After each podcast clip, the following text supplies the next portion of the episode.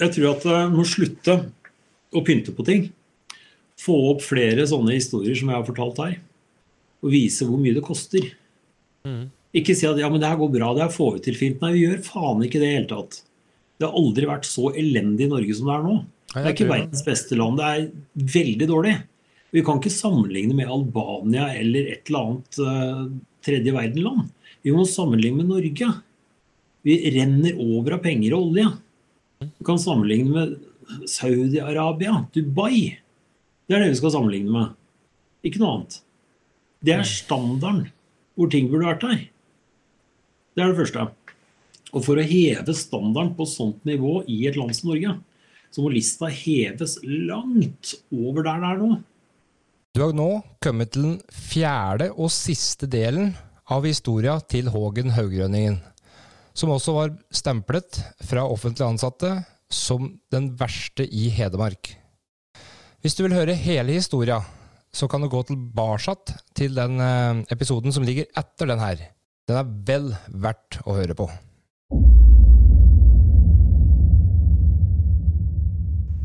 Jeg ser jo tilbake på det arket hvor jeg skrev presentasjonen din. Han har i perioden 2006 til 2009 50 akuttinnleggelser. Dette har vi jo hørt alt om nå. Eller ikke alt, men vi har hørt mye om det. Vi har fått et bilde, klart bilde av hvor ille det på en måte har vært. Og, og din første situasjon hvor du følte mestring, kanskje? Eller at du turte å face your fears, eller hva du skal kalle det? Jeg har flere sånne, men de egner seg ikke på podkast, for å si det sånn. Nei. Nei, men vi tar med oss den du kan dele. Og så står det her, altså dette var i perioden 2006 til 2009. 50 akuttinnleggelser og uthentinger av institusjoner. Og siden 2010 så har Haugrønningen vært en ettertraktet foreleser, veileder og sparingspartner for private og offentlige aktører. Altså Her er vi da snakk om et år etter den siste innleggelsen. Hva, hva skjedde her, Haugen? Altså, nei, Hågen, mener jeg. Og Haugen. Um, ja. Jo, jeg skal fortelle den det som er veldig viktig å tenke på i forhold til den reisen som jeg har delt en liten del av nå, det er ikke at det var fælt og vondt og vanskelig, men hvor mye koster det her i kroner? Mm. Hvor mye koster det her i tapt liv? Hvor mye koster det her i lidelse for den enkelte og for familien? Og ikke minst, hvor mye koster det her i tapte skattekroner for staten? For at eh, en gjennomsnittlig drop-out i Norge den koster 3 millioner kroner i året. Den prisen på meg på hvert av de årene som jeg var utafor her, det er tosifra millionbeløp. Og her snakker vi ikke om vinningskriminalitet og alt mulig sånn i tillegg, som veldig mange andre har. Her snakker vi om eh, den som eh, ikke var i stand til å ta vare på seg sjøl og trengte helsehjelp. Mm. Hvis det hadde vært en vanlig makkafrike liksom, som hadde biler som hobby og brekk og knekk som uh, forlystelse, så snakker vi om helt andre summer enn tosifra millionbeløp. Ja, For du har nesten ingen erfaring med amfetamin, kokain eh, og sånne ting? eller? Amfetamin var jo ikke helt ukjent. Nei, men du slår meg ikke på den historien du har fortalt, at det var det som var hovedgreia, liksom. Det er jo medisiner fra lege som var hele reisa der, på en måte. Helt klart, for jeg gjorde unna rusgreia i første runde. Liksom det er Hågen del én.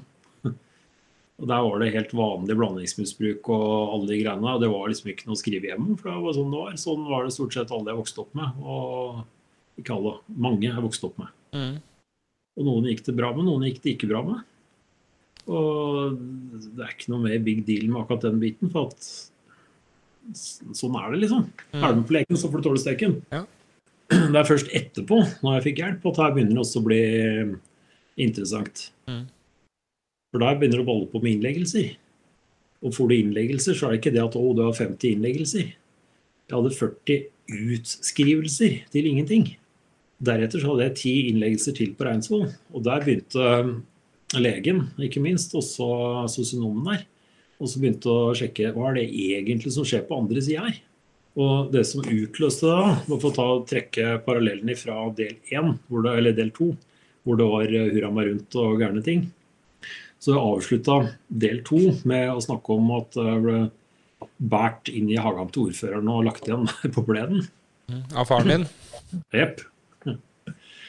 Så ringte jeg til ordføreren da, fra Reinsvoll når jeg var lagt inn der. Jeg snakka med han, for jeg kjenner han. Jeg snakka med han, også, også en journalist i Østlendingen. Eller Glåmdalen, var det faktisk. Unnskyld. Glåmdalen. På kvelden. Jeg husker ikke hvilken dato. Men det er ikke så vanskelig å finne ut. For Poenget var at jeg snakka med dem ved tida på kvelden, og jeg ba liksom, hva kan vi gjøre for noe? For jeg blir ikke noe bedre, og jeg blir skrevet ut igjen. Og jeg trenger at jeg får noe oppmerksomhet rundt her, sånn at jeg får lagt noe press på Nav til at de gjør jobben sin. Og jeg husker ikke helt hva som kom ut av den samtalen. Sannsynligvis ingenting. Men allikevel så skulle det vise seg å være en av de viktigste samtalene jeg noensinne har hatt i mitt liv.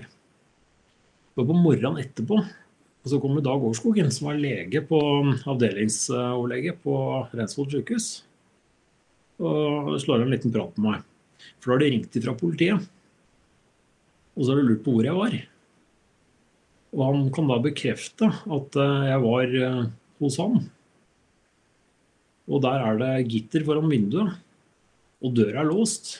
Og det er pleiere slash vakter i gangen. Nattevakter.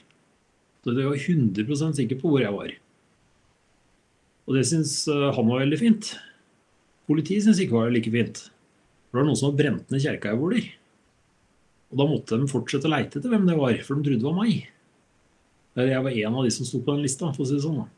Så det var nivået av tull og fanteri som eh, var rundt meg, liksom. Mistenkt for ting osv. Så, videre. så når du er på det nivået der, så hvor mye koster det her i samfunnet? Det koster hinsides med kroner. Og for å sette seg enda mer i perspektiv, for hver eneste dropout som koster i snitt 3 millioner, så trengs det 20 skattebetalere som i snitt betaler 150 000 hver i skatt i året for å dekke opp den 3 millioneren. Og jeg har hørt at den summen der, den er i, i arbeidsavklaringsløpet, og ikke nødvendigvis i aktivt. Nemlig. Sånn at det er der når du er under, under Nav eh, og er på en måte i ordnede former. I ordnede former, ja. Mm. Det er klart at her er hinsides med summer som går vekk til ingenting. Og det mener jeg det er en god del ting som kan gjøres da, for å få retta opp. Og veien min videre her, fra 2010, så ble jeg jo skrevet ut ifra, ifra den uh, fengselet til Reinsvoll sykehus. Og jeg lurer på om vi skal ta, ta, oss tid til, siden jeg har brukt sinnssykt mye tid her. Så skal du få en liten sånn godbit her. For at, eh, som jeg sa i stad, liksom, du spurte flere ganger om skjønte du ikke bedre. Eh, tenkte du aldri at medisiner ble dårlige? Liksom, hvor var de greiene her? Det var først når jeg var på Ila der, at det liksom klarna opp. For Da fikk jeg ikke tilgang på medisinen, så jeg blei klarere. Mm. Og Da skjønte jeg at ok, det er, er det jeg blir dårlig av noe jeg får. Men jeg klarte ikke å gjøre noe aktive grep med det enda.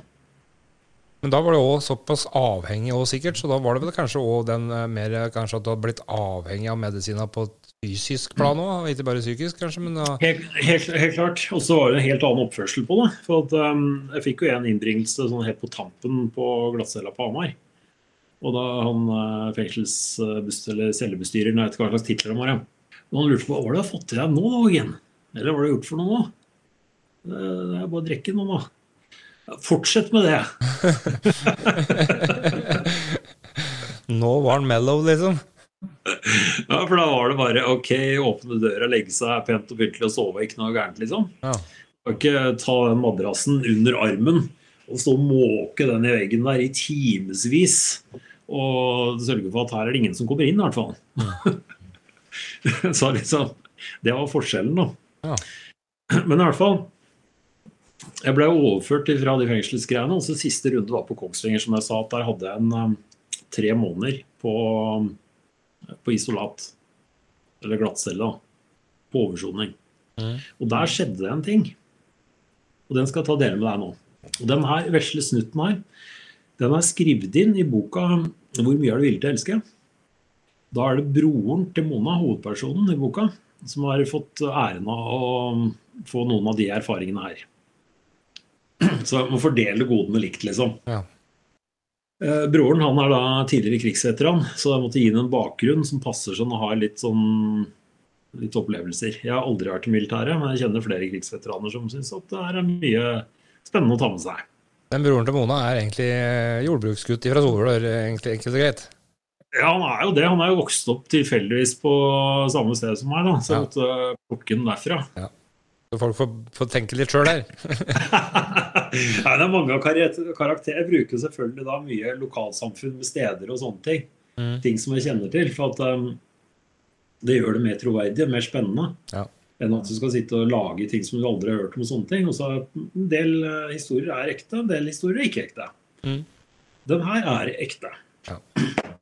Og en morgen som uh, han i boka, men meg, da, våkna grytidlig på morgenen på glattcelle, så hører jeg, eller kjenner, at noe er gærent.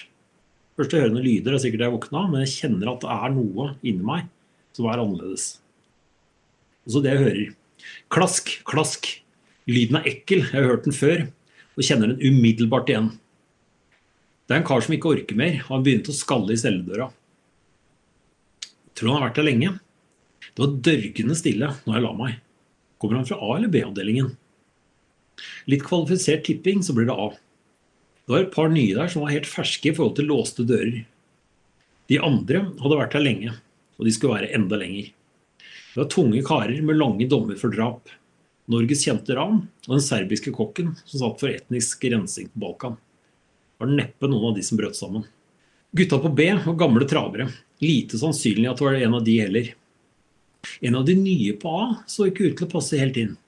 Eller passe inn og passe inn. Passe inn gjorde ikke jeg heller, men jeg var vant til langt verre forhold enn en glattcelleopphold på to måneder. Klasken i veggen ble svakere, og jeg lurer på om han var i ferd med å gi opp.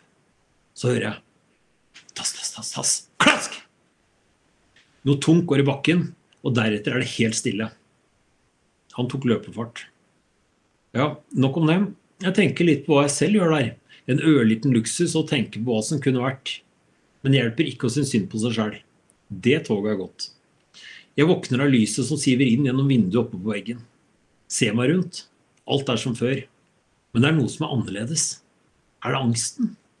Den har vært her som en trofast følgesvenn i årevis. Det er ikke den. Det er noe annet. Det kjennes lettere, bedre, men på en kald måte. Så skjønner jeg. Jeg er i ferd med å gi slipp på empatien. Der og da tar jeg, tar jeg et valg. Overlever jeg det her? Skal jeg bruke livet mitt til noe som er godt? Og det som skjedde der, det var at um, jeg opplevde å se empatien min som en fysisk ting som var i ferd med å forsvinne ut av brystet mitt. Og jeg klarte å få kontakt med dem og trekke det tilbake igjen. Og samtidig med det her skjedde, så gikk jo tanken om at ok, gir jeg slipp på den her, så vil livet mitt bli vesentlig mye enklere i institusjonen.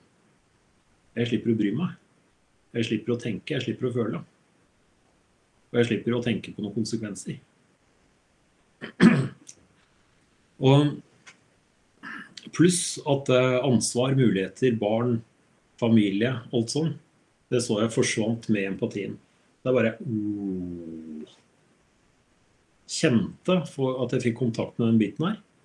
Kjente at det varma i kroppen. Og jeg la meg til å sove. Igjen. På glattcella.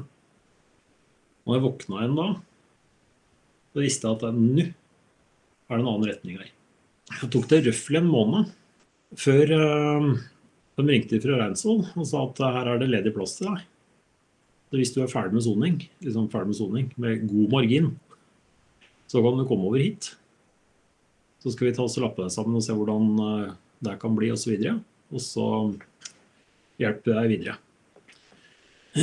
Og da var det vel 2009, eh, 13. mars, bursdagen min, som jeg ble flytta fra Kongsvinger fengsel. Med fotjern og håndjern og hele greia der. Eh, opp på Reinsvoll sykehus. Og da hadde de skjønt lunta, forresten. Så jeg tror jeg fikk meg en lita, søt uh, fengselsdame. Liksom, mulig noen syns at det er sjåvinistisk og alt sånne ting, men jeg responderer veldig annerledes på en hyggelig kvinnemenneske som snakker med meg, enn en diger gorilla som snakker til meg og prøver å dytte på meg. Mm. Så jeg husker den biten. Det var noen som hadde funnet at den turen der skal gå smooth. Ja. Og det var det siste jeg har sett av fengsel fra innsida på den biten der siden da. 2009. Ni.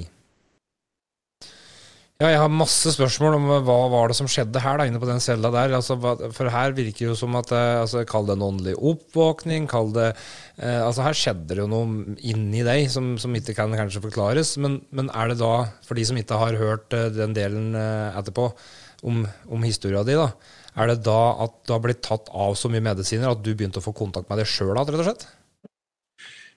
Jeg tror at det er eh, kombinasjonen at eh, Unnskyld. Kombinasjonen at eh, jeg har tatt av medisinene, og at eh, jeg er så sliten at jeg har ingenting mer å gå på. Og at det er en fyr som prøver å ta livet sitt med å skalle seg i hjel på nabocella. Mm. Og at jeg skjønner at det er jeg faen meg blitt vant til. Så jeg bryr meg egentlig ikke så veldig mye om det. Så dette her er på en måte bunnpunktet, da, eller kan du si, hvor du på en måte bare gir opp alt i, i, til fordel for deg sjøl, liksom, på en måte? Nei, det er the crossroad. Ok, crossroad, ja. ok. Det er flere ting som treffer på samme Ja, for jeg kunne ha valgt også tatt den andre veien, uten empati. Mm. For med de erfaringene jeg har så langt, da, og med litt av de ferdighetene som jeg har gjennom trening og alt mulig sånne ting, så ser helt fint en karriere uten empati. Mm. Men jeg ser òg helt fint at her kunne det fort blitt en norsk Bronsen. liksom, bare berserkgang og bare tull og egentlig ikke noe spesielt å sone for, liksom, men at du bare blir der for at du ikke klarer å holde deg tilbake. mm. Så Istedenfor å ta den veien, og så tok jeg den andre. Og den gikk da til Reinsvoll, og så ble det øh, si, orden og reda der. Og veien derfra, den var jo at eh, de prøvde å få meg inn i Våler igjen. Men det funka ikke i det hele tatt. Så det ble ti innleggelser der òg. Men de opplevde det helt annerledes. Og nå var det ikke den helt ville medisineringen, men jeg reagerte på den medisineringen jeg fikk. Så istedenfor det der, så mente jeg at hvis du skal komme deg på beina igjen, så må du flytte. Du må ut av Hedmark, for det er så stigmatisert der at det kommer aldri til å skje. Og ikke fra lokalbefolkningen og venner og som ikke var igjen så veldig mange av, vel å merke. Mm. Men fra hjelpeapparatet. Mm. Hvis de ikke har gjort det bra så langt, så kommer de ikke til å gjøre det bra videre. Ser. Flytta til Oslo. Fikk på plass leilighet. 7500 kroner på Kiellandsplass eh, 2010. Veldig fornøyd med den biten. Fremdeles helt vill i eh, paranoia og den biten. Og nå snakker vi om at det var bitte litt Haldol og Ritalin jeg sto på. For det ville jo så vært gjerne gi meg noen medisiner likevel, da. Mm. Og jeg kjente at det her var ikke helt uh, Det var ikke bra, da, men jeg trengte mer. Jeg trengte ro. Så jeg fikk uh, krangla meg til, eller kjempa meg til, kommer litt åssen på det, på en oppbevaringsplass på um, Østerdalsgata 7, heter det vel. Det er um, døgn-DPS. Ah. Hvor du har en lekker blanding av uh, rockere, musikere, psykiatripasienter og et eller annet som ikke helt fiksa livet Mm. 100% som ble stua sammen der. Og der opplevde jeg da å få den roen jeg hadde spurt om et par år tidligere. Og jeg opplevde òg at eh, eh, at jeg ikke kom til å bli noe bedre av den behandlinga av de samtalene jeg fikk der. For der fikk jeg noen å snakke med. Men liksom, jeg skjønte det her Det biter ikke. De veit ikke hva de snakker om. De snakker på overflaten. Jeg trenger å komme dypere. Så var en sykepleier som sa at det vi holder på med her, kommer du aldri til å bli frisk av, Ågen. Og så ga han en brosjyre. Og det her er når sånne ting begynner å bli tvilsomt, da, for det kunne like gjerne vært Jehovas, liksom. Men hva er det de gjorde for penga? Ja, hun sa det. Og det var flere der som hadde den holdningen og meningen, og det er mange som jobber med eh, komplementære metoder, som også jobber i det offentlige. Så det er mye bra folk. Men hun var ærlig om den biten, og hun var så ærlig om det at hun jobba ikke der så veldig lenge. da. Ok. For å si det sånn, men jobba lenge nok til også at jeg kom meg videre. Mm. Jeg sjekka opp um, hva slags muligheter har jeg nå. For det første så begynte jeg å få gjeld, begynte å få inkassogjeld. Jeg begynte å um, Jeg hadde jo ikke penger. eh, Få på en avtale med Nav, finne en eh, fastlege. Alt de greiene der. Pluss at eh, paranoiaen og alt det der var ikke bra i hele tatt. Liksom jeg klarte jo ikke å gå ut uten å ha vill angst. Så jeg altså piske meg sjøl, da. Så gå døra ned på Jeg husker ikke hva det gatekjøkkenet heter, men det er veldig, veldig, veldig bra. Ja. Burde huska det. Um, og det er noen kjente folk som driver det òg. I hvert fall, det var veldig fancy gatekjøkken rett rundt hjørnet. Midt i Vålerengaland. Det er gamlebyen Oslo. Der er det bra fart på det meste. i hvert fall. Men i hvert fall, klarte å gå dit, jeg klarte å stå i en kø med vanlige folk og kjøpe ting. Og gå tilbake. Det var det første. Neste var at jeg klarte å gå ned på, eh, ned på videosjappa, for da hadde du fremdeles VHS-videoer og sånne ting. Mm. Og leie det eller en DV og prøve å se på, for jeg klarte ikke å følge med på TV og sånne ting. Jeg måtte lære meg å lese igjen, trene opp alt det der. Eh, Det brukte jeg de to månedene på, pluss at jeg fant en lege som jeg garantert ikke var utdanna i Norge. Schmidt-Bauer i passende alder. Jeg vet at Tyskere i den aldersgruppa hans de har sannsynligvis noen sånn heilpraktiker i bånn. Um, kom til han. Han sa at um, du Hågen, jeg vet ikke hva som har skjedd der. Og det eneste jeg kan love deg, er at jeg skal ikke stikke kjepper i hjula for deg. Så fikk på plass uh, fastlege som funka. Um, fant uh, en psykiater som skulle følge meg opp i forhold til, i forhold til medisiner. Og da hadde jeg sånn hjemmetjeneste fra kommunen som var innom ukentlig for å sjekke om ting var på stell. Og med en gang jeg kom ut fra institusjonen, så slutta jeg med de medisinene. Og jeg sa til de etter en uke, når jeg skjønte at det går fint, at um, jeg har slutta med alt av medisiner. Så jeg syns det er veldig fint om du tar og noterer litt hvordan det temaet. Hvordan det her ser ut å, til å gå. da. For nå skal vi snakke med psykologen, eller psykiateren, om noen uker. Så jeg trenger at eh, du støtter meg litt her. Og det var kjempefint. Veldig voksent, bra menneske som fulgte meg opp der. Um, møte med psykiateren. Han var pensjonist, så han jobba litt uh, sånn Han har den ærlige sorten, da. De er gjerne når de er pensjonister, de psykiaterne. Det er mye bedre da, sånn som Willoch. Mm. Eller Han er ikke psykiater, vel å merke, men eller, mye mer sjansen som Willoch, for Willoch som politiker etter at han var ferdig som stortingspolitiker, enn når han var det. Og sånn er det gjerne med en del leger og psykiatere òg. At de er mer tilsnakkelige og medsnakkelige. Litt lettere å erkjenne feil, kanskje? Etter at den på en måte er litt ute av systemet? For eksempel. Så han fyren der hørte hvordan det har gått, og hvor bra det her var. da. To måneder uten noe tull på institusjonen. Og så en måned ute i det fri. Det er jo helt fantastisk. Det er liksom treårsrekord. Så han sier jo der som sitter godt til rette, det er jo fantastisk bra hvordan de medisinene virker der, i Grønningen. Og jeg setter meg pent til rette og sier at um, du skjønner det, at um, jeg har ikke brukt noen av dem på en drøy måned. da. Og så ser han opp på dama som følger meg. da. Og Hun nikker og er veldig stolt over hvordan det er. For hjemme hos meg så er det blomster på bord og duk og strøken skjorte og rent på gulvet og mat i kjøleskapet og uh, I det hele tatt. Drar ned, brillene ned på nesa. Det, Ågen, det eneste jeg kan gjøre for deg Han skjønte det, jeg skal love deg. Det eneste jeg kan gjøre for deg, det er at vi rediagnostiserer deg. Jeg skjønte nøyaktig hva han mente. For han så da at eh, hvis jeg skulle ha en nubbesjans til et vettug liv etter det her, så var det første å rydde opp i den sinnssyke lista med diagnoser. Mhm. Men med å bli rediagnostisert, så er det den siste diagnosen som teller. Ja. Ikke alt det andre. Så de har makten til å gjøre det, altså? Ja, ja, ja. Ok. Det er ikke noe makten, Det er all makten som fins. Det er spørsmål om vilje. Okay. Vilje og evne, ikke makt. Okay. Så da ble jeg rediagnostisert. Den eneste diagnosen jeg burde hatt, det var PTSD. Den fikk jeg ikke, for da var det ikke spørsmål hvor det hadde skjedd. Nei. Så den måtte jeg kjøre slalåm rundt. Det, det blei um, ADHD. Det var that's it. Ellers var det ikke noe gærent med meg. Litt på tuppa ut ifra situasjonen og sånne ting, så var ikke det merkelig. Nei. Og så var det at de prøvde å gjøre noe godt nå med å sende meg på behandling, for det har jeg ikke fått noe sted. da. Det så de. Så de ville svært gjerne gjøre det. Og det her er ironisk. for dem. Da var jo alt prøvd, da, liksom, mente de.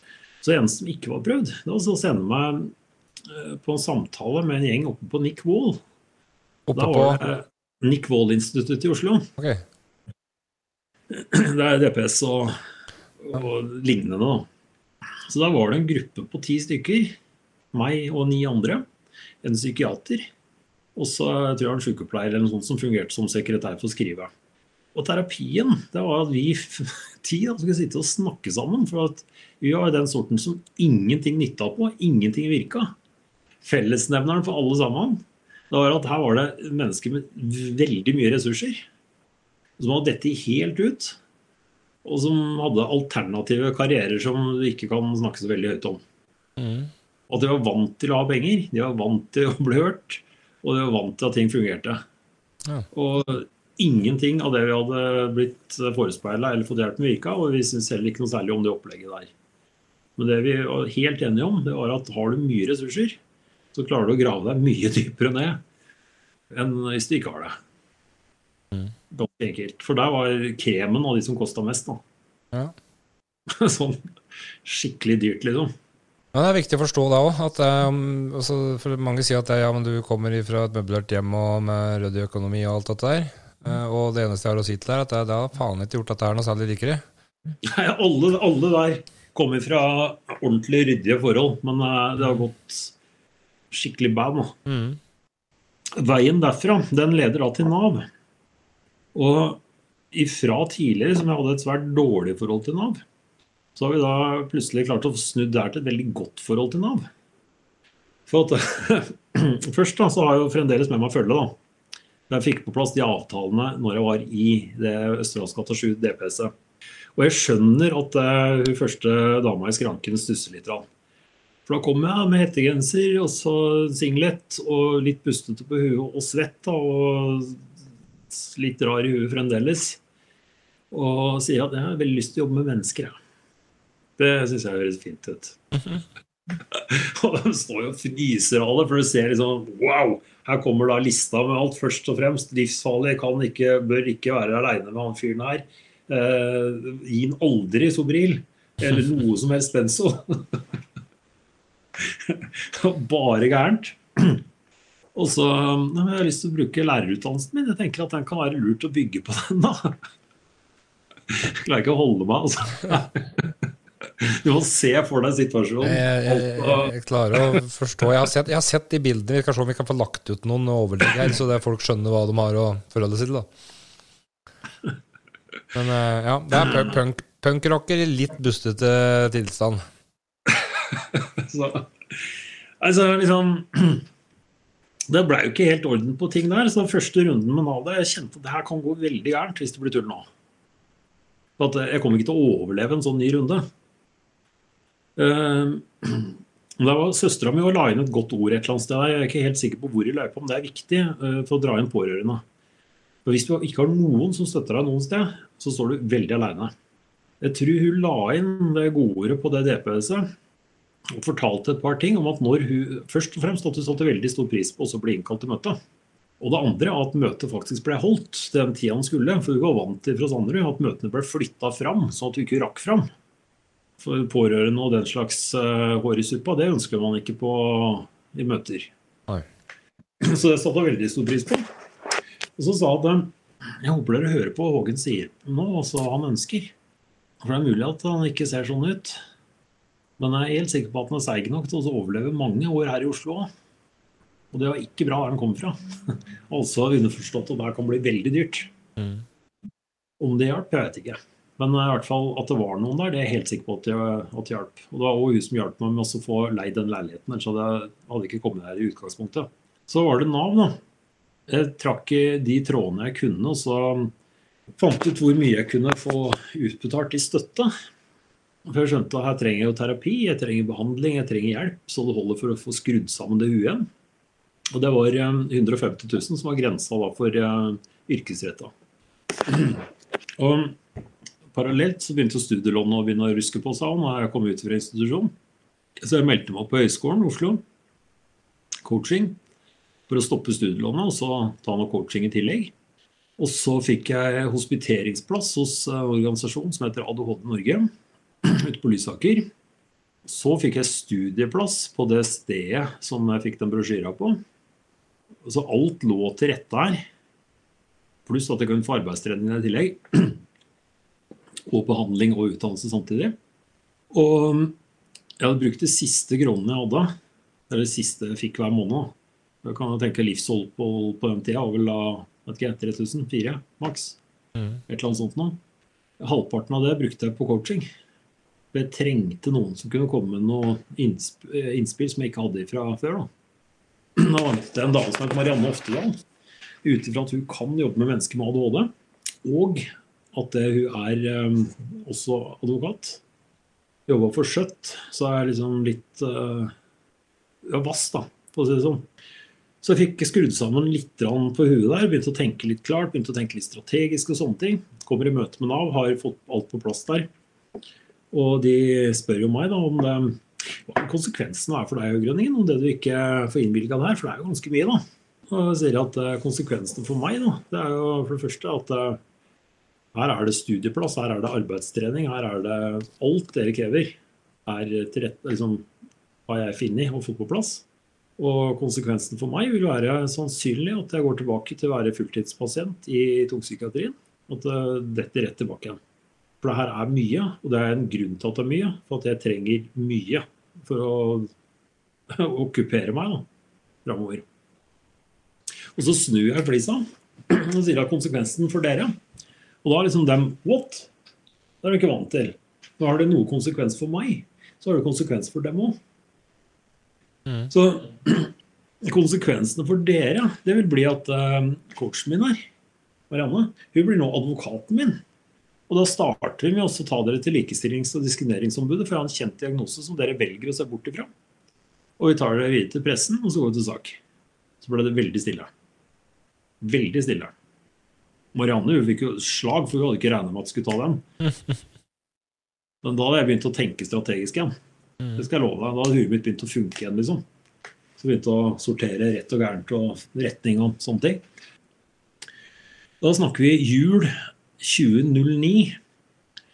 Og rett før juleferien, rett før liksom, julehelga, så fikk jeg beskjed fra Nav.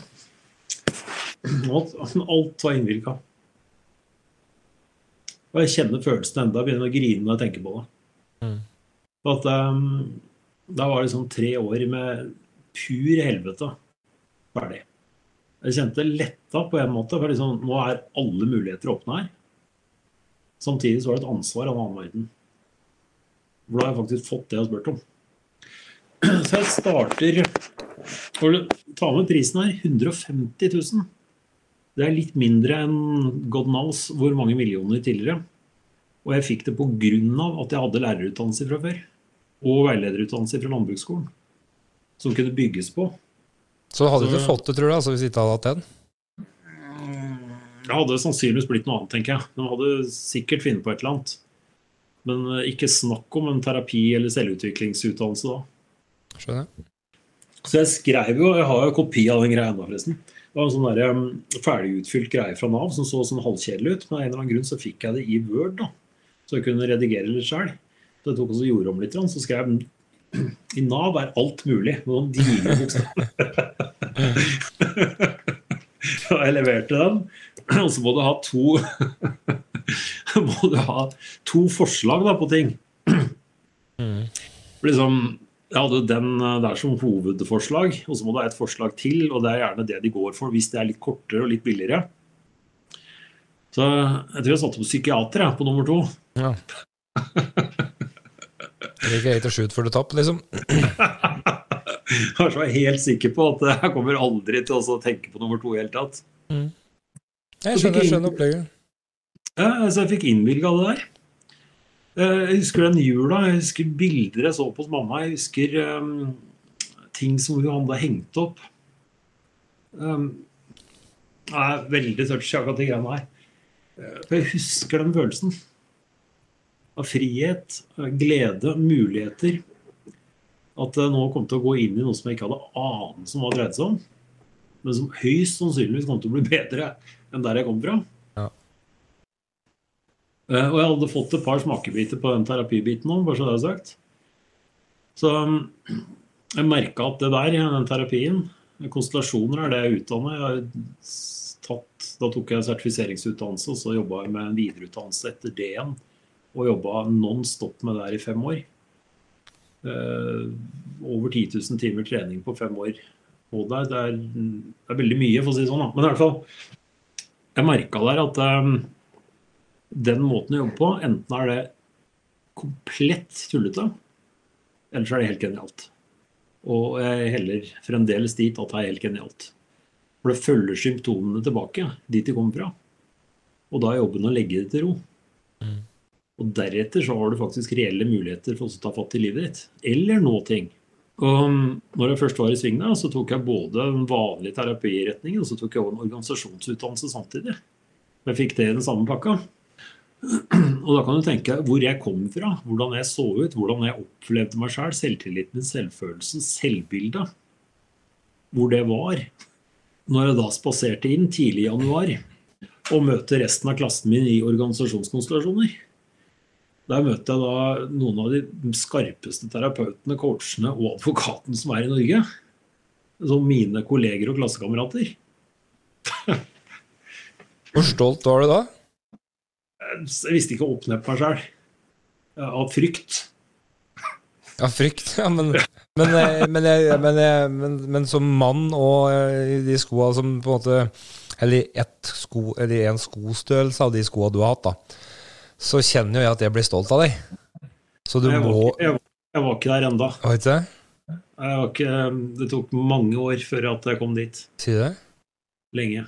Ja, nå var jo du langt i andre enden av forhold til hvor jeg var i reisa mi, da, så det var kanskje ikke så mye som skulle til for min del før jeg fikk tilbake sjøltilliten, men, eh, men eh, ja, jeg, jeg, jeg, kjenner den følelsen, i hvert fall. Jeg kjenner igjen den der eh, som du hadde der, der du følte at ting skulle ordne seg. Der du begynte å se på bilder og i album og Helt vanvittig, den biten der. Altså, nivået som jeg fikk muligheten til å lære å jobbe på da fant jeg ut veldig raskt at vi er mennesker alle sammen, uansett hvor vi kommer fra, hva slags bil vi kjører, hvor vi bor, om vi har kontor i Kristine Lundsvei i Oslo, eier eller bygget der, eller eh, Frogner liksom, Vi har alle følelser.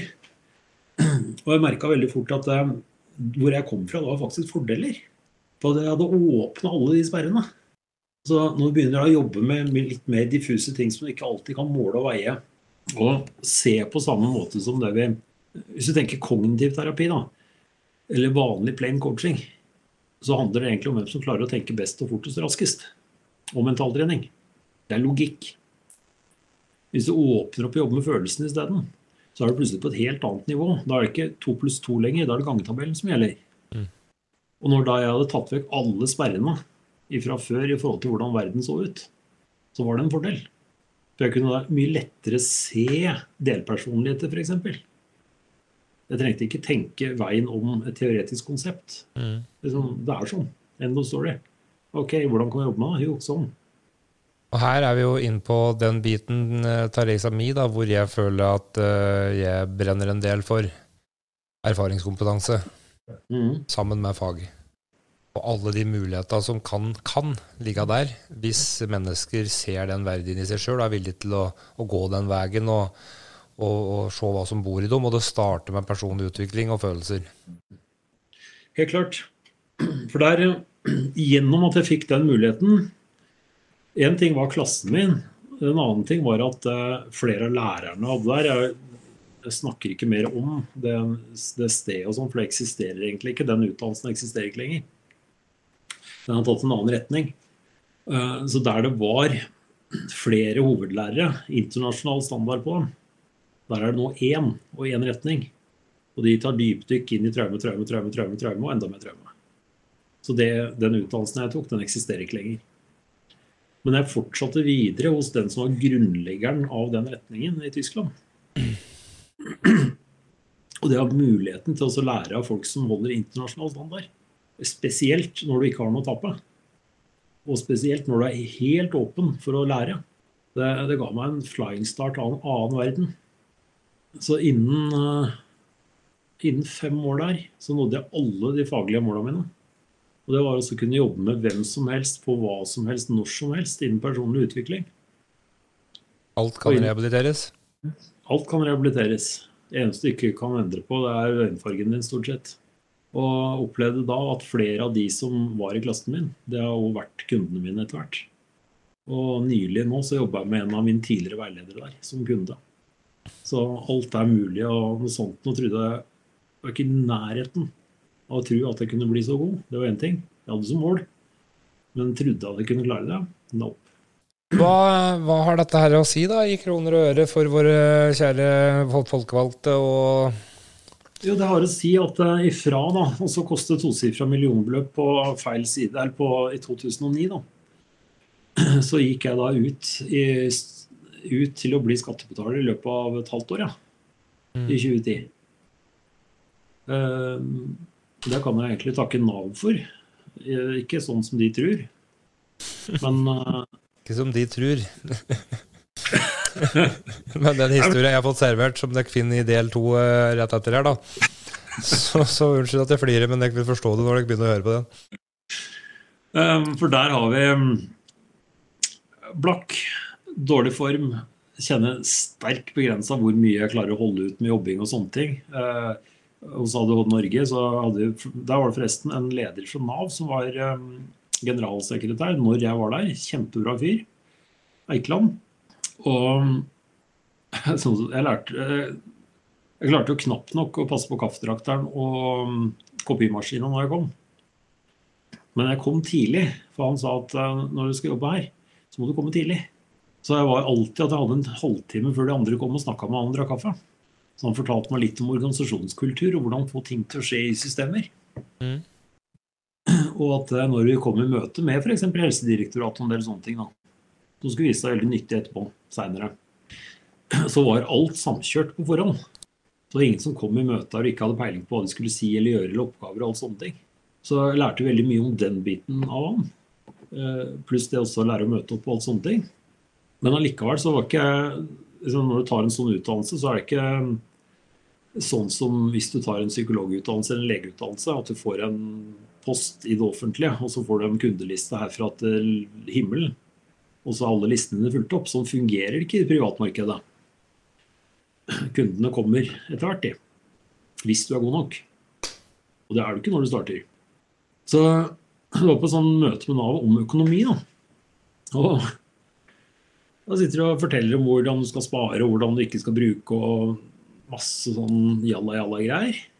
Som alle veit fra før seg er helt unødvendig. Og så forteller de om eh, dagpenger. Og hvor mye du kunne få, og hvor mye du hadde krav på. alt mulig sånne ting. Så da var det vel, Jeg husker ikke summen lenger, men det var et par hundrelapper om dagen. da. Og så var det hvis du jobber, så må du trekke så og så mye. Og jeg husker at ok, hvis det ble trukket så og så mye, da sitter jeg med sånn cirka ingenting. Ja. Jeg kan ikke jobbe som lærer i den tilstanden her. Jeg jobber ufaglært, og da sitter jeg kanskje med en hundrelapp eller to maks i timen. Og så hvis du skal da trekke stort sett det samme, så er det null. Og så er det en smarting som sitter bak i salen, som rekker opp labben og spør ja, men um, hva om jeg tjener 5000 i timen? Det er jo eget firma, han har skjønt hvordan han skal føre timene. Ja, nei, da trekker du òg 200 kroner timen. Ja. Ok. Så det vil si at eh, hvis jeg tjener 5000, så trekker jeg da 200 kroner, og så bare liksom Summen her Jeg er ikke 100% sikker på summene, men prinsippet er Ja. Så trekker jeg 200 kroner, og det vil si at jeg da sitter igjen med 4800 Ja, ja, sier dama fra Nav. Akkurat sånn er det. Da er det opp med labben min, da. For det, det her er liksom enten for godt eller for dumt til å være sant. Eh, Rent hypotetisk sett, hvis jeg nå hadde vært foredragsholder For det er vel jeg bygge 30 000 i timen. vil jeg bygge båten Brennfort. Ja.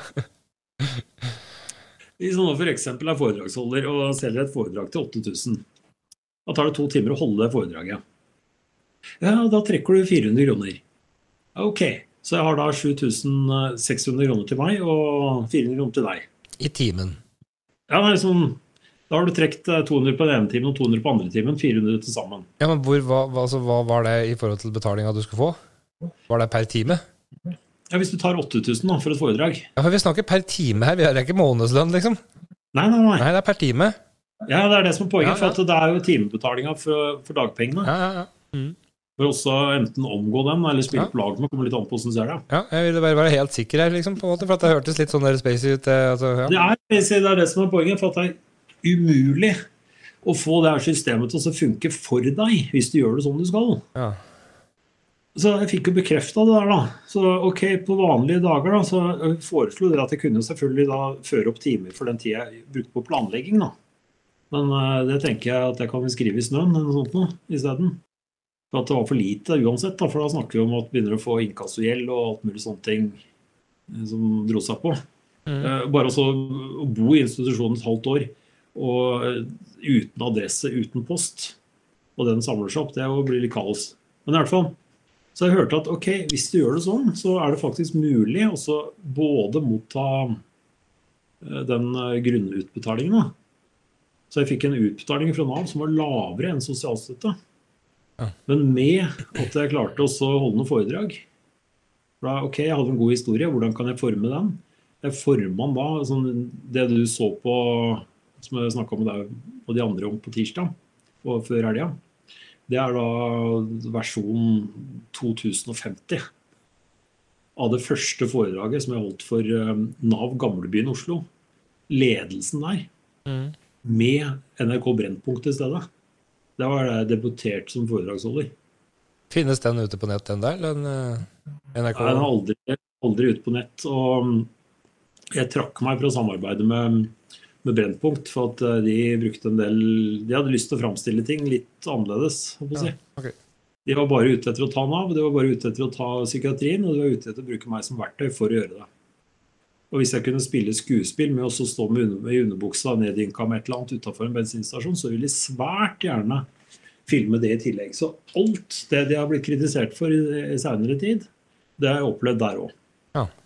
Og da var jeg ferdig med å bli brukt, trodde jeg. Så jeg gir gass. Begynner å holde foredrag. Eh, som ekstra for fart på markedsføringa så har jeg lagd utstilling av eh, de bildene jeg tok da jeg var i institusjon. Solgte platesamling, solgte bass. eh, det var det siste jeg hadde igjen. Som var noe penger. Investerte det inn i, inn i eh, utstilling. Klemte på med det. Gjorde ferdig grunnutdannelsen, gjorde ferdig organisasjonsutdannelsen. Gjorde ferdig en modul i coaching på høyskolen. Og begynte å holde foredrag, kurs og workshops. Etter en stund Nå snakker vi om innen et års tid, liksom, ikke lange, lange tider. Så begynte terapeuter og coacher å komme til meg. For da hadde kundene deres igjen vært hos meg og så hadde vi fått gode resultater. Og så begynte de å komme. For jeg lurte på hva faen er det som skjer her. Folk blir jo friske. Og jeg mener at nesten uansett hvilken metode du bruker, så er det ikke metoden. Det er deg og din personlige holdning det kommer an på. Og det hjelper også å ha alt å vinne. Og så hjelper det veldig også å ha et godt miljø å trene med, og noen som får mye trening. Hvordan kan vi putte dette her inn i dagens uh, bilde? Sånn at det blir nyttig for alle ledd. Jeg tenker at det viktigste er at det offentlige tar også begynner å samarbeide på tvers av fag.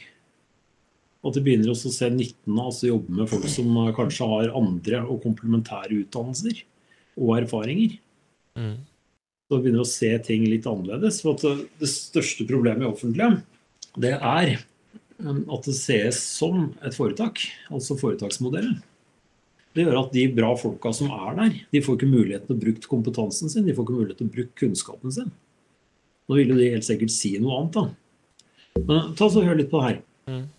For nå vinkler jeg deg rett opp på um, det jeg jobber med nå om dagen. da som er også hjelpe folk å få bedre flyt i f.eks. For foretak og organisasjoner. Og en av tingene som er viktig å gjøre da, er å plukke ut hva er det som ikke funker noe sted. Og finne ut feil og høl. Så New Public Management, sier deg noe? Hørt om det. Jepp. Hvis vi da hadde tatt eh, blindsporet og så prøvd å forklare hva det er for noe, så blir det kronglete. Hvis vi tar andre veien og ser hva det resulterer i, så er det mye lettere å kjenne igjen. Og da har du et eksempel? Ja, Eksempelet er at New Public Management det blir målt i KPI-er. KPI det er keypoint uh, som blir målt på, som f.eks. omsetning, investeringer, inntekter, utgående kostnadskutt, effektivisering, optimalisering. Det er ingenting med mennesker å gjøre noen ting av det. Alt i det offentlige er bygd opp rundt modeller som måles i det der. Ja. Resultatet av det, det er at det er um, en forretningsmodell som skaper mange tapere. For de som vinner på det, det er så få. Den er etisk og samfunnsøkonomisk uforsvarlig. Nettopp av den samme grunnen, at det skaper tapere. Vi skaper et system som driver rovdrift på ansatte, og du får mye sykefravær og dropouts av ansatte som jobber i et sånt system. Vi opplever at det systemet undergraver personlig ansvar. Undergraver mot til å tenke selvstendig. Undergraver evne til å handle selvstendig. Og det undergraver tillit og respekt. Hvordan kan du gjøre det? Jo, systemet drives av frykt og kontroll. Og det skaper flokkmentalitet, ukultur, og at folk ikke tør og våger å si ifra. Når du sier at det drives på frykt, hva mener du da? For de som jobber der, da? Eller? Ja, for de som jobber der. At uh, du kan ikke si at noe er gærent. For da mister du jobben. Tenk varsling, f.eks. i det offentlige. Ja, Det vi prata innledningsvis i forrige episode, eller den andre. At, uh, hvis, noen, hvis noen sier fra at det her er ikke riktig, så er systemet skrudd sammen sånn at du får svi hvis det, du gjør det sånn. Ja, Hvis du skal klage på podkasten min eh, til sjefen min, så må du levere klagen til meg, sånn at jeg er ansvarlig for å levere den videre. Selvfølgelig. Ja, Det er det vi snakker om. Ja. Mm.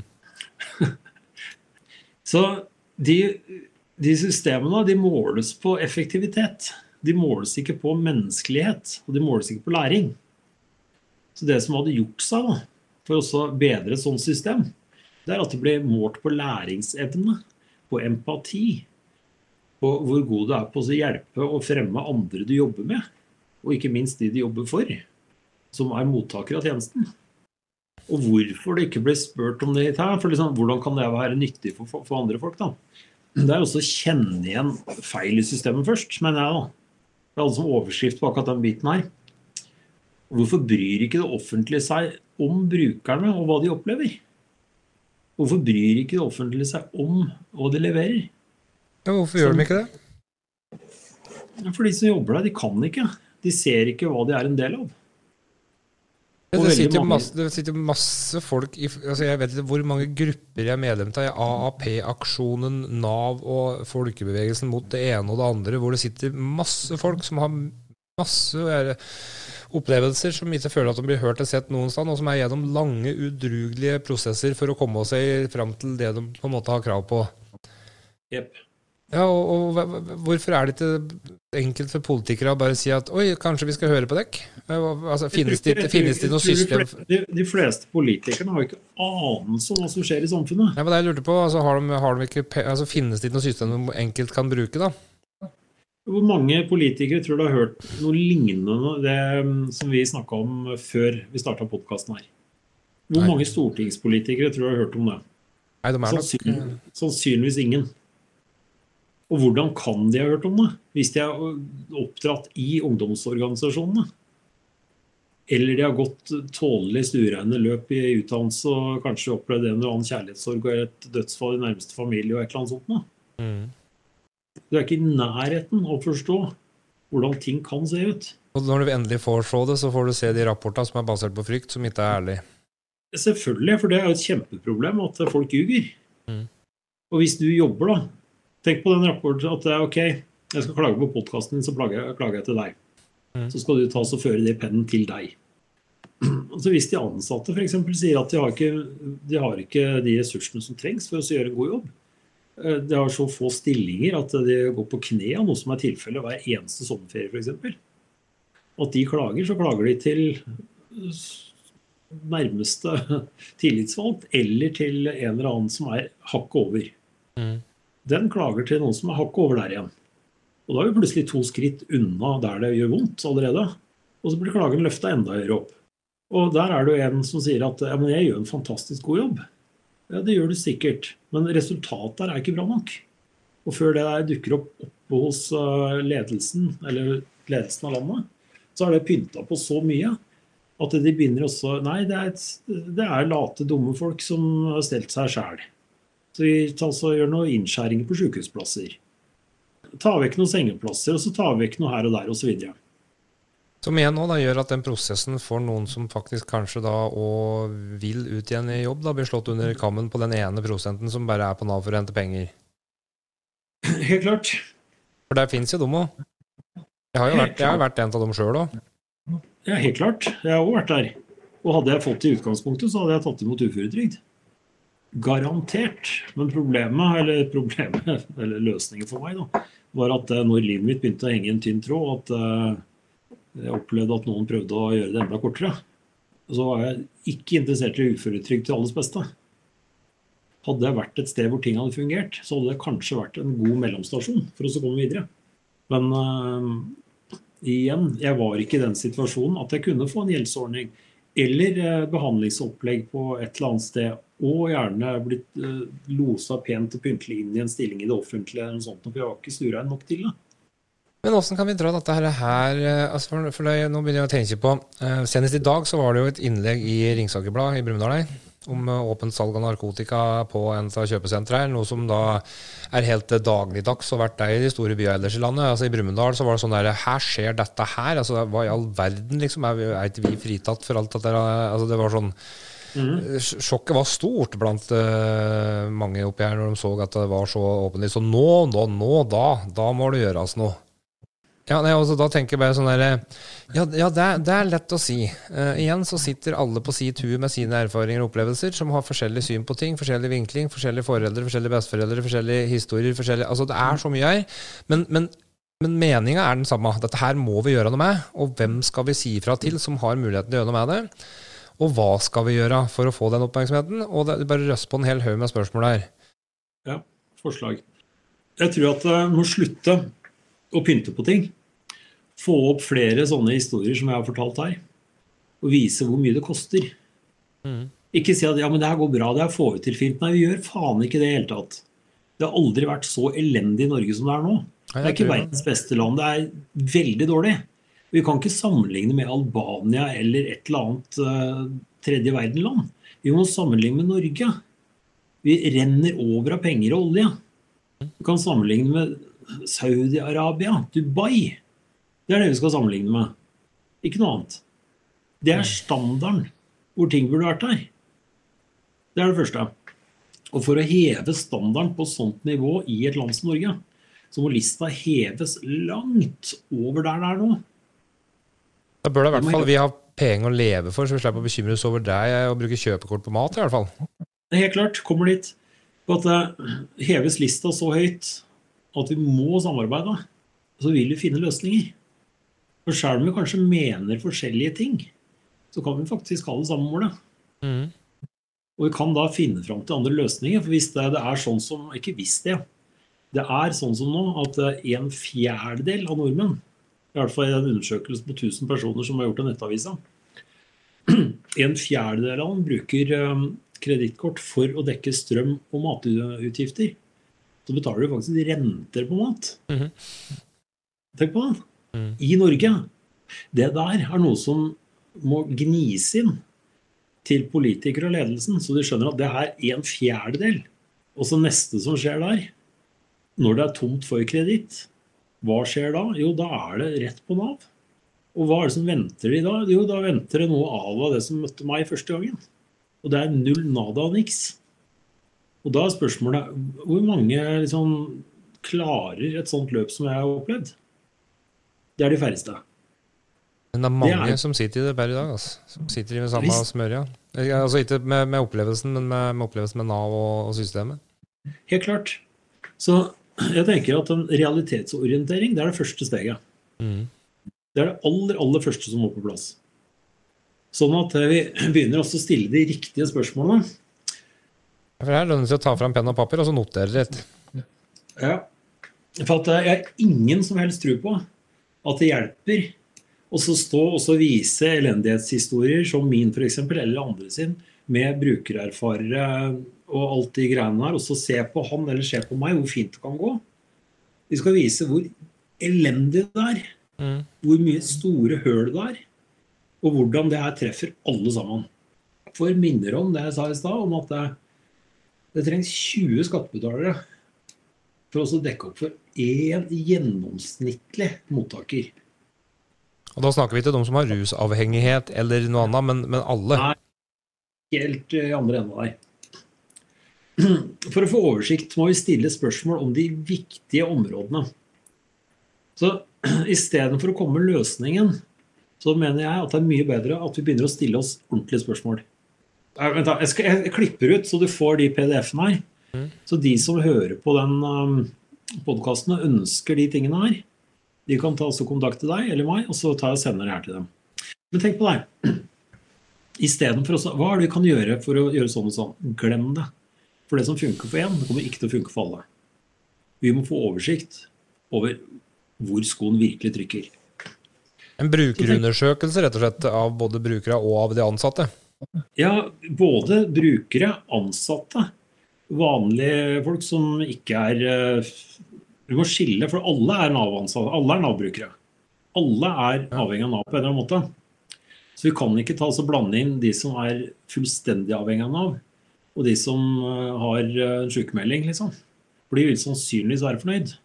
Poenget her er også å få opp de svarte høla. Ja. Ikke også dekke dem til. Og det er det som Nav gjør. Når de gjør en undersøkelse, så tar de ikke opp De spør ikke sånn som meg. Det, det, de kjører akkurat samme som eh, når det var eh, Når Røde Kors var på Kongsvinger fengsel og så skulle dele ut julegaver. Så var det ei dør i kjelleren her som ikke ble låst opp, og det var min. Hadde ikke vært snill. Jeg kunne Jeg var for dårlig til å kunne vises fram. Ja. Tenk deg da at du tar en score fra 1 til 10, hvor 10 er på topp. 1. Hvordan opplever du din levestandard? Tre. 3.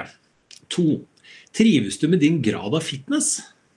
Jeg trives ikke, men jeg gjennomfører det. Jeg har begynt, å bli glad i det, så si fem, da. At jeg er fem pluss. Ja. Ja, men jeg har brukt noen år, da. Er du fornøyd med helsa? Nei. Der er vi helt på én. Helt på 1. Jeg er glad jeg lever, da. Ja, men det er bra. Ja. Det er et bra utgangspunkt. Hvordan er din livsmestring? Mm, Klokehodet mitt sier at og det kan alltids bli bedre. Eh, men jeg føler at jeg mestrer situasjonen ut fra de korta jeg får utdelt, eh, ganske mesterlig i forhold til hva som kunne vært. Sånn at jeg, jeg opplever min livsmestring som en seks. Hvordan er din selvfølelse?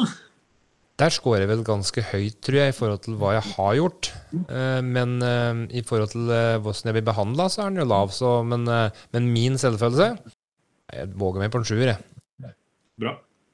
Hvordan er din selvtillit? Den er skamfullt høy. For der bør det ikke skam, nemlig. For at der har mora og faren min lært meg at vet hva, du kan bli alt du vil, du. Og det, det har jeg skjønt. Det er bare at jeg har litt begrensa muligheter til det med der jeg er nå. Så, men, eh, men hva var det spørsmålet var? Hva, Selvtilliten. Se- Nei, den, den er bra. Jeg, jeg, jeg tror jeg klarer mer enn jeg faktisk gjør. Men nå var vi gjennom den spørrelista til meg, da. Som gikk på meg som på en måte personbruker, eller ja eller, Ja. For det her var jo ikke det i forhold til en ansettelse eller en jobb jeg kunne hatt. Det her var meg. Ja. For det, de spørsmålene der, det treffer oss alle, uansett hvem vi er. Mm. For Det er det første som er viktig å få opp. Hvordan har folk det generelt i samfunnet? Mm. For det er noen spørsmål litt lenger ned her, da. Som, eller på en spørreundersøkelse jeg gjorde. Ja. Jeg ser positivt på framtida. 48 av, eh, av 61 som svarte på en undersøkelse, her, de mente at de så positivt på framtida. 52% mente jeg tror det blir verre. Spørsmål ledelsen ordner dette. Null. Null tro til ledelse, altså. Vet ikke, betyr ikke noe. Null. Var dette her til ansatte eller for mennesker generelt? Det er generelt, for vi har stor økning i pris på mat, strøm og drivstoff. Mange trenger offentlig støtte for å klare husholdsutgifter. Tror du på bedring? Ja. 48% tror på bedring. Men de tror ikke at den kommer fra ledelsen. Jeg tror det blir verre. 52 Ledelsen ordner det her. Null. Vet ikke, betyr ikke noe. Det der er noe som burde få folk til å våkne veldig fort. mener jeg da. Da er det jo det evinnelige spørsmålet, da. Hvem i all verden er det som skal ta imot dette her, og hvordan får vi kontakt med dem, og skal gjøre det? Altså, Jeg har jo kommet dit hen at jeg vurderer å engasjere meg i lokalpolitikken, bare sånn at jeg kan om ikke annet forstå hva som driver og skjer, og hva, hvor, hvor på en måte jeg kan ha, hvor historia mi og podkasten er, og alt at jeg finner ut på denne reisa mi, da, hvordan dette her kan brukes, liksom. Jeg tenker at uh, Med at du deler, og ikke minst at du skaper en plattform, da, så vil det være et bra steg en, som en start. Men uh, har du kontakt med politikere så du kan ta og snakke direkte med dem, så at de får en liten realitetsorientering om hvordan ting står til? Du har en del ting her som kan fungere på tross og på tvers av. Ja, det er det jeg tenker òg. um, Med å stille de spørsmålene som sa, det vi, de spørsmålene som vi sa i stad, det går jo på deg som person, eller på oss som borgere i, i et samfunn. Hvis du da spisser det inn litt, til liksom, Da har vi alle liksom, Har du det bra? Hvordan står det til? Og det skal ikke være leda. Det skal være så åpent at vi får tak i hvordan folk egentlig har det. Sender ut på Altinn, altså? Omtrent. Og så, tar du, og så spisser det litt. I hvilken grad føler du For det her går rett på politikerne på lokalnivå. Og jeg har mye mer tro på Som høres veldig negativ ut i forhold til politikere. Men jeg har veldig stor tillit til de lokale. Ja, Tilsvarende liten til uh, de 169 som sitter og varmer rævene som varmer de samme stolene år etter år. For det er noen engasjerte sjeler altså, lokalt. Det er jeg veldig tro på den biten her. Ja. Og, og tro på at når de ser at ok, jeg kaster bort liksom, tosifra millionbeløp årlig per person, og kommunen er på, ferd, er på enten Robek-lista eller er i ferd ned dit, liksom, så er det ting vi kan gjøre her. Så hvis de politikerne starter med å ta en liten spørreundersøkelse f.eks. hvordan er det ting fungerer i det offentlige, i kommunen? I hvilken grad føler du at framtiden er trygg for deg som innbygger i kommunen? I hvilken grad føler du deg liksom, Hvor trygg føler jeg meg som innbygger? Jeg har faen meg flytta til England. ja. I hvilken grad føler du deg sett, hørt, respektert i møte med kommunens tjenester slash ansatte?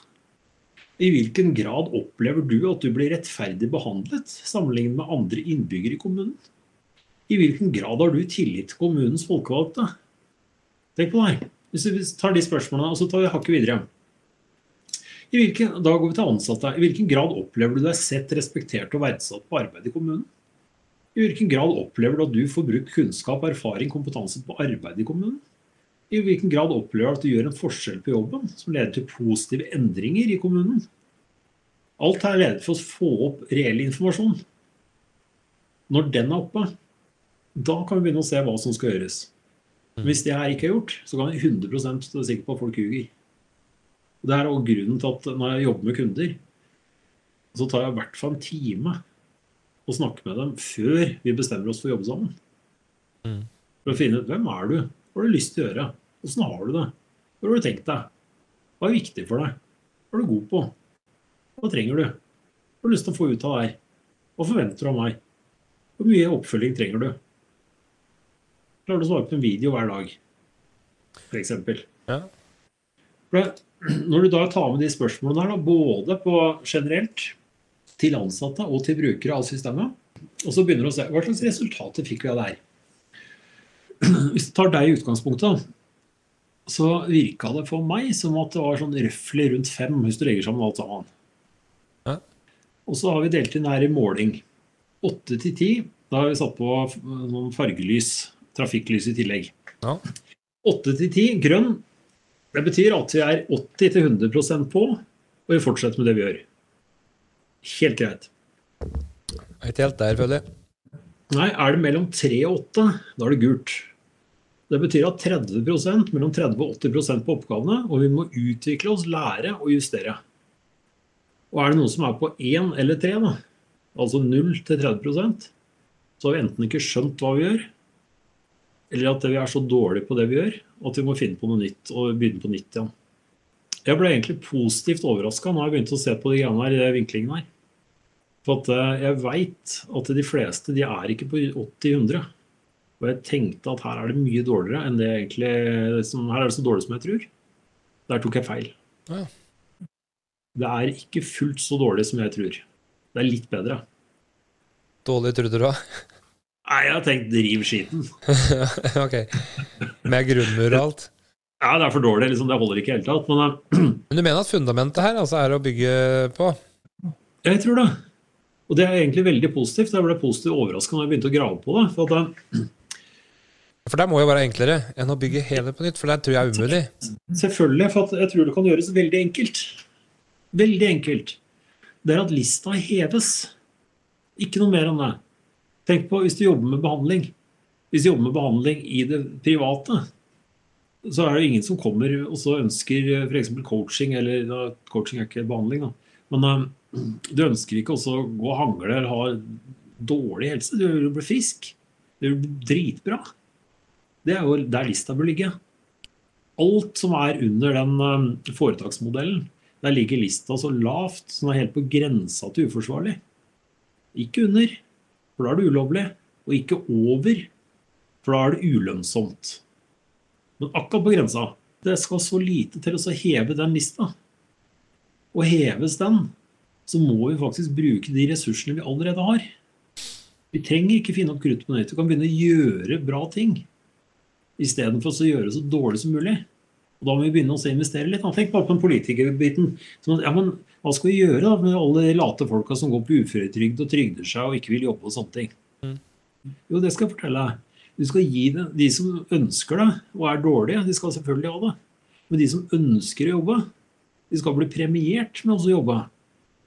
Og ikke tatt ifra trekk i trygda på alt mulig liksom? Selvfølgelig, det skal lønne seg så du får mer. Det er liksom gulrot og pisk. Det hjelper ikke å piske en død hest. Den løper ikke fortere. Men da kommer jo kommer noen til å komme og si at ja, men da kommer alle til å flyge dit og, og skal ha uføretrygd, for da blir det sånn puter under armene-opplegg igjen, og da blir det Nei, det blir jo ikke det. Blir jo ikke, det blir motsatt. Okay. For da flyr folk ut ifra uføretrygd for de har lyst til å tjene 800 000 i året, istedenfor å få et eller annet veldig lavt. Så du mener at vi rett og slett skal lirke sånne som meg, da, hvis jeg får uføretrygd på minstemål, lirke meg over i f.eks. hvis jeg klarer å holde et foredrag da, en gang i måneden og tjene 30 000 på det, da, en gang i måneden, så har jeg 300 000 ekstra i året. Yes. Um, uten å miste minstesatsen min. Yes. Uh, og så kan vi se, ta en ny revurdering til neste år og se på om jeg har et annet grunnlag. Eller? Yes. Ja, for det ville i hvert fall ha hjertet meg en del, hvis jeg hadde fått muligheten til å utvikle meg mens jeg hadde råd til det. Selvfølgelig. Det, det, er den modellen som, jeg, som, Nav lærte meg. da. Og som sikkert vil koste mindre i det lange løpet. Selvfølgelig. Jeg fikk jo utbetalt mindre enn sosialstønad på den yrkesretta biten. Men åssen skal dette her se ut på papiret for noen? da? For dette her kommer en eller annen til å si at oi, her kommer dette til å havne på bordet mitt. Og her ser vi da at vi har brukt masse penger på folk som har utfordringer. De har tjent masse penger utenom. Dette kommer jo i en overgangsfase ikke til å se akkurat sømløst ut. Ja, men Det er jo ingenting som ser sømløst ut fra før, da. Men hvis du har mulighet til å sende Jeg har ikke tallet på hvor mange milliarder som blir sendt ut. Hvis noe av det blir brukt på å bygge opp landet. Gjøre, liksom, bygge opp landet. Det er jo ikke noe utenkelig, det, liksom. Nå kan ikke bruke eksempler fra Trump med eh, Amerika først og den biten her, men sånn er det faktisk en god del land. Jeg klarer ikke helt se noe feil med det. Når alle gjør så godt de kan for seg selv og for sine samarbeidspartnere, oppnår alle et best mulig resultat. Det der er kjernen i John Nash sin likevektsteori, som han fikk nobelprisen for. Det er bærekraftteorien hans. Jeg kjenner jo nå at uh, huet mitt begynner å bli meget fullt av tall, tanker og ting og tang. Det er jo en grunn for at jeg er for utredning til uføretrygd. Jeg kjenner at Jeg begynte med ei rykk i panna, nå har jeg fem serier. Jeg er jo helt ferdig. Men så jeg føler at jeg begynner å miste litt av trøkk her, og om jeg skal komme meg noe fornuftig, på en måte. Det, det, jeg har på en måte fått så langt, da, det er jo at um, vi trenger ikke å rive den, rive den, eksisterende modellen. Vi må bare plukke den ned og så bygge den opp på nytt. Mm. Uh, starte fra bånn av og spørre alle som er involvert, av både folk i gata og de som er ansatte og brukere og alt, åssen uh, er det dere har det? Og det, med den utspørringsmodellen du har. Og da må det jo settes opp et altså Hvis jeg kjenner politikken i Norge rett, som jeg, som jeg sikkert ikke gjør heller, men så da må det jo ut av Hva heter det? Grunnlegges et nytt Hva kaller de alle sånne de oppretter noe Hoppe over alle de greiene her. Utredning og kommisjon og Kommisjoner, ja. Åssen skal vi gjøre det? Vi kan starte med at de kan få amnesti. altså De trenger ikke bli stilt til ansvar for vanskjøtsel. Vi kan hoppe over den biten. Oi. Og så kan vi heller begynne å samarbeide alle sammen. For at det er for mye. Det er for fucked, liksom. Altså våpenamnesti i praksis innad i Nav og offentlige etater, eh, liksom? En slags våpenamnesti? Altså at det her, alle feilene du har gjort her, dem skal vi ikke på en måte ha noe å si for? Glem det. Glem det. Vi må bare skrote alt de tenker om feil og skyld og ansvar der. For at mm. det hjelper ikke. Og det var jo faktisk det som funka for oss på vår personlige plan òg. Når vi, vi ble stilt dit hen at vi, vi på en måte her er, her er det ikke fortida som henter oss inn, her er det fortida som jobber for oss. Godt poeng der, du. For at, eh, nå skal vi ta oss og nevne framsnakka en fyr. Harald Weng, Nav-los Antonshaugen. Nav-los-systemet det virka så bra at det har de avvikla, by the way. Hva sa du nå? Det vært for bra, ja? Harald, jeg har ikke nevnt han fyren på mange år, men han fortjener en liten framsnakk her. Harald Weng. W. Veng. Ja. Nei, Han fikk vel en varm potet, da, det vil si meg. For at uh, det funka ikke i førstelinjen til Nav da, på Sankthanshaugen heller. Liksom. Det, det ble ikke noe tull. da. Bare- Det var liksom bare Åssen faen forholder vi oss til det? For de sendte jo ned to sånne digre Ikea-esker med papir fra Våler. Ja, stemmer. Og så liksom, hva gjør vi med det her? Og, og når det er noen som er ekstra krevende på sånne steder, så blir du sendt til Nav-losen. Og det har de avvikla. Og Nav-losen den sitter litt på sida av systemet. Ja. Sånn at han har mulighet til å få til ting litt fortere og litt raskere og bedre. Så jeg fikk et møte med han, og så sa han liksom det her eh, ser jo ikke bra ut i det hele tatt. Og da var det den med røde trekanter og streker og ikke snakk med å mm, låse den inn og kaste nøkkelen. Da må vi bare se bort ifra hele greia og så starte på nytt igjen, Og så høre liksom, hva er det du kunne tenkt deg, da? Jeg skulle tenkt meg også brukt den lærerutdannelsen og bygd på den, da. Jobbe med mennesker, da, altså sånn og sånn og sånn. Ja, men da gjør vi det, da. Ja. Så liksom Han så bort ifra hele driten fra før. Glem det. Og så bare starta vi på nytt. Blanke ark. Så klemte vi på. Og Det har jeg veldig tro på. Og jeg fikk med gode samarbeidspartnere. Og akkurat sånn må vi gjøre det i forhold til eh, Norge-biten òg, for her er det så mye som er dårlig. At det henger faen ikke på greip. Og vi kan ikke sammenligne med andre land, vi må sammenligne med potensialet som er i Norge. Jeg tror det er en veldig god idé. Så jeg tror det er der. Våkne opp. Hvilke ressurser bor i oss? Samarbeid på tvers av interesser, fag og parti. Brett opp erma og kom i gang. Rett og slett. Og, ja, og spist er spist. Det er for seint, liksom. Ja. er, Men er det mulig å Ja, altså det var et spørsmål jeg på, svarte på før, oppi huet mitt før jeg stilte det. Og det er sånn der, er det mulig å gjøre det uten at det er noen tar De som sitter i komfortable stillinger nå en eller annen plass i, på den murbygningen i sentrum Oslo, kommer til å ja, måtte byttes ut. Det må jo ligge et håp der, tror jeg, for at det hele tatt skal være mulig å rokke på det. Vi kan ikke knuse alt håp for de som allerede sitter der og tror at de gjør en god jobb. Jeg tenker på om vi hadde bytta ut eh, Når vi er så gode på å opprette kommisjoner og alt mulig sånne ting. Da. At vi oppgraderer Kunnskapsdepartementet til kompetansedepartement. Ja, det er nevnt. Ja.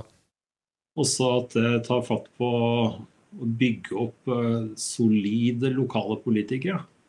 Som tar vare på lokalsamfunnene sine. Ellers så veit jeg Nå har jeg lagt opp ballen her.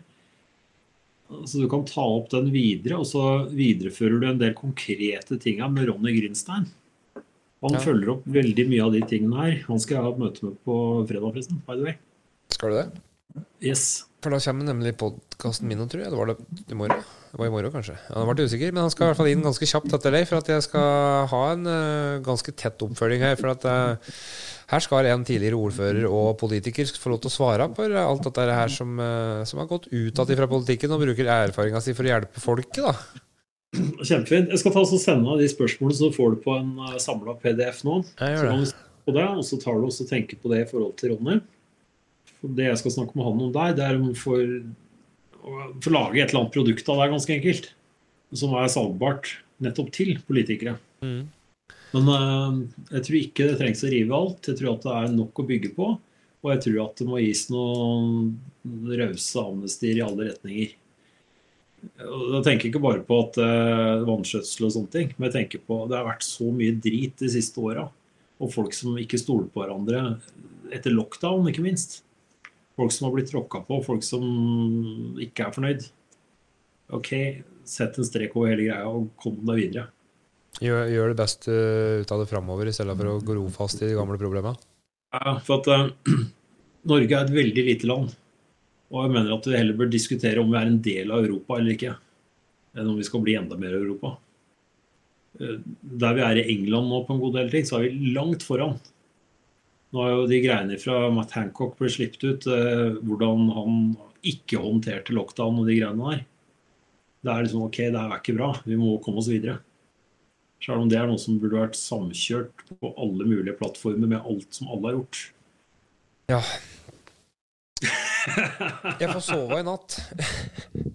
For de som ikke har hørt del to, som ligger, eller del én, da, egentlig, som ligger rett over her, antageligvis, så har du hele historieatologen, hvor han da går i detalj på hvor ting eh, gikk veldig galt hen, og, og ikke minst hvor du snudde hen. Men for å fatte og begripe hva vi har sittet og prata på nå, så må du egentlig kanskje ha med deg. Og jeg skal prøve å gjøre mitt ytterste for å få klippet og limt dette her, sånn at det blir, eh, at det blir normalt for vanlige ører å høre seg gjennom. Men jeg tror at essensen i hele dette her, da, eh, det er at det finnes løsninger hvis vi er villige til å jobbe på tvers og på tross av. Og, og vi, må vi, må inkludere flere folk som, som har erfaring i eh, hånd i hånd med, med utdanning. De løsningene er på alle nivå, både på individnivå for en sjøl, for familier som pårørende, for samfunn og ikke minst for landet. Ja. Med det så sier jeg tusen takk, Hågen. Eh, jeg kunne ønske å ha hatt en oppfølgingsrunde med eventuelle spørsmål som skulle komme inn, eller tema, hvis det er mulig. Selvfølgelig. Litt sånn i framtida. For jeg føler at, jeg, føler at jeg, jeg, vil følge opp, da. Ikke bare det blir nok en podkast. Eh, jeg vil gjerne ha eh, svar på litt mer ting som, som, som flere enn meg lurer på, da. Mm. Så, altså, det kan hende at det kommer inn noen spørsmål og litt sånne ting i forbindelse med de, de undersøkelsene som vi skal legge ut i linka under her. og, og det. Ellers så vil vi bare invitere alle politiske partier og lokalpolitikere til podkast. Og, og, sitte og, og, og, skal vi si, kaste ball. Er det, det, det heter ikke diskutere, men kaste ball? Spille ball. Spille ball. ja, men diskusjoner er vi ferdig med når, er, når, ting ser ut som det gjør nå. Så debatter, det er utdatert. Mm. Diskusjoner er ferdig med. Dialog, det er det som gjelder. Få en dialog, finne løsninger. Og eh, løsningen er ikke sikkert finnes der, eller det kan hende må faktisk lages. Det er jeg ganske sikker på at den må. Ja. Ok, tusen takk for meg. Tusen takk for at du ville komme. Det er en glede. Det har det vært, virkelig. Så, okay. nei, men Da prater vi mer senere, og så sier jeg bare fortsatt god dag til deg i England.